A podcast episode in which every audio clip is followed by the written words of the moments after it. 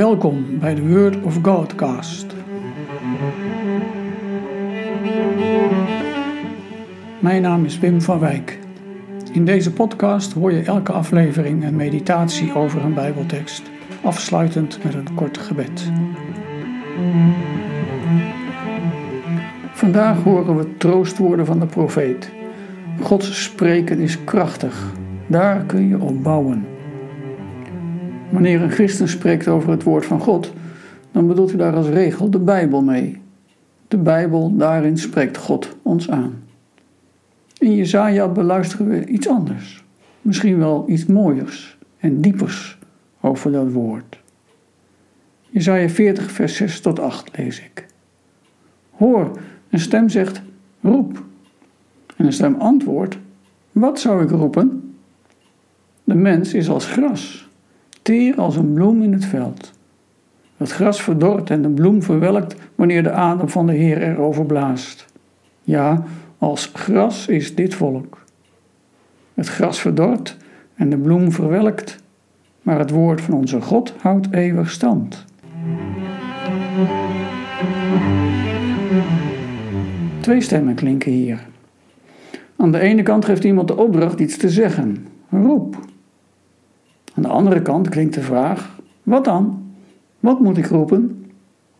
En dan klinkt de inhoud: roep het uit, de mens is als gras, maar Gods woord houdt altijd kracht. We horen hier een dialoog tussen God en de profeet. God laat zijn woord tot de mens spreken door bemiddeling van een mens. Niet zomaar door iedereen, maar God kiest mensen daarvoor uit. Een profeet Iemand die namens God een boodschap doorgeeft. En deze profeet, van zijn kant, stelt zich ter beschikking als hij reageert met: Wat moet ik nou roepen? Zo had de Heer Jezaja geroepen in een visioen: Wie zal ik sturen en wie kan namens ons gaan? Dan zegt Jezaja: Hier ben ik, stuur mij. Zo gaat het hier ook. Het staat in het kader van de troost die de profeet het volk mag bieden. En daarvoor gebruikt de profeet een prachtig beeld.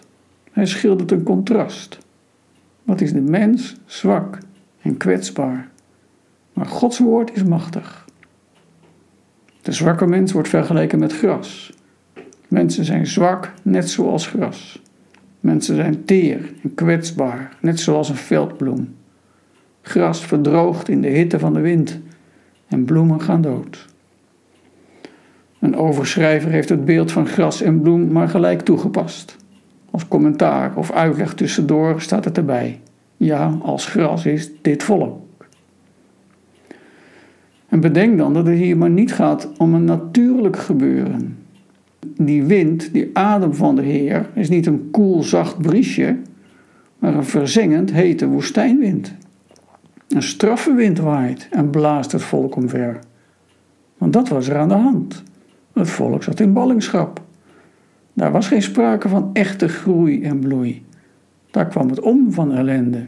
Ver van huis, ver van God. Maar hij komt om zijn volk te troosten en het weer op te richten. Dat is zijn vaste belofte, daar kun je op bouwen. Daar veer je van op. Daar komt nieuw leven van. Want het woord van onze God verliest nooit aan kracht dat woord.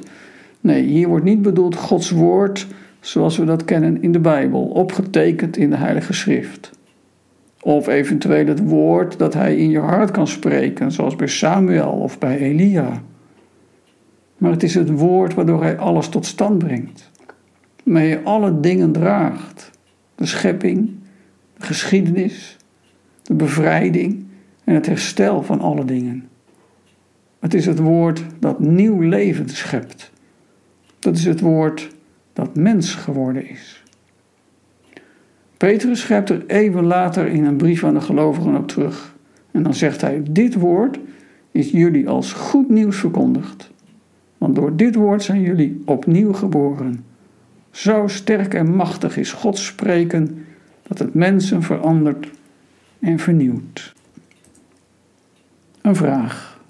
Op wat voor manier ben jij aan de ene kant onder de indruk van de kwetsbaarheid van de mens En aan de andere kant van Gods spreken. Gebed. Heer, u spreekt ons aan in uw Zoon Jezus, die mens werd voor ons. Op uw machtige naam hopen en vertrouwen wij. Amen.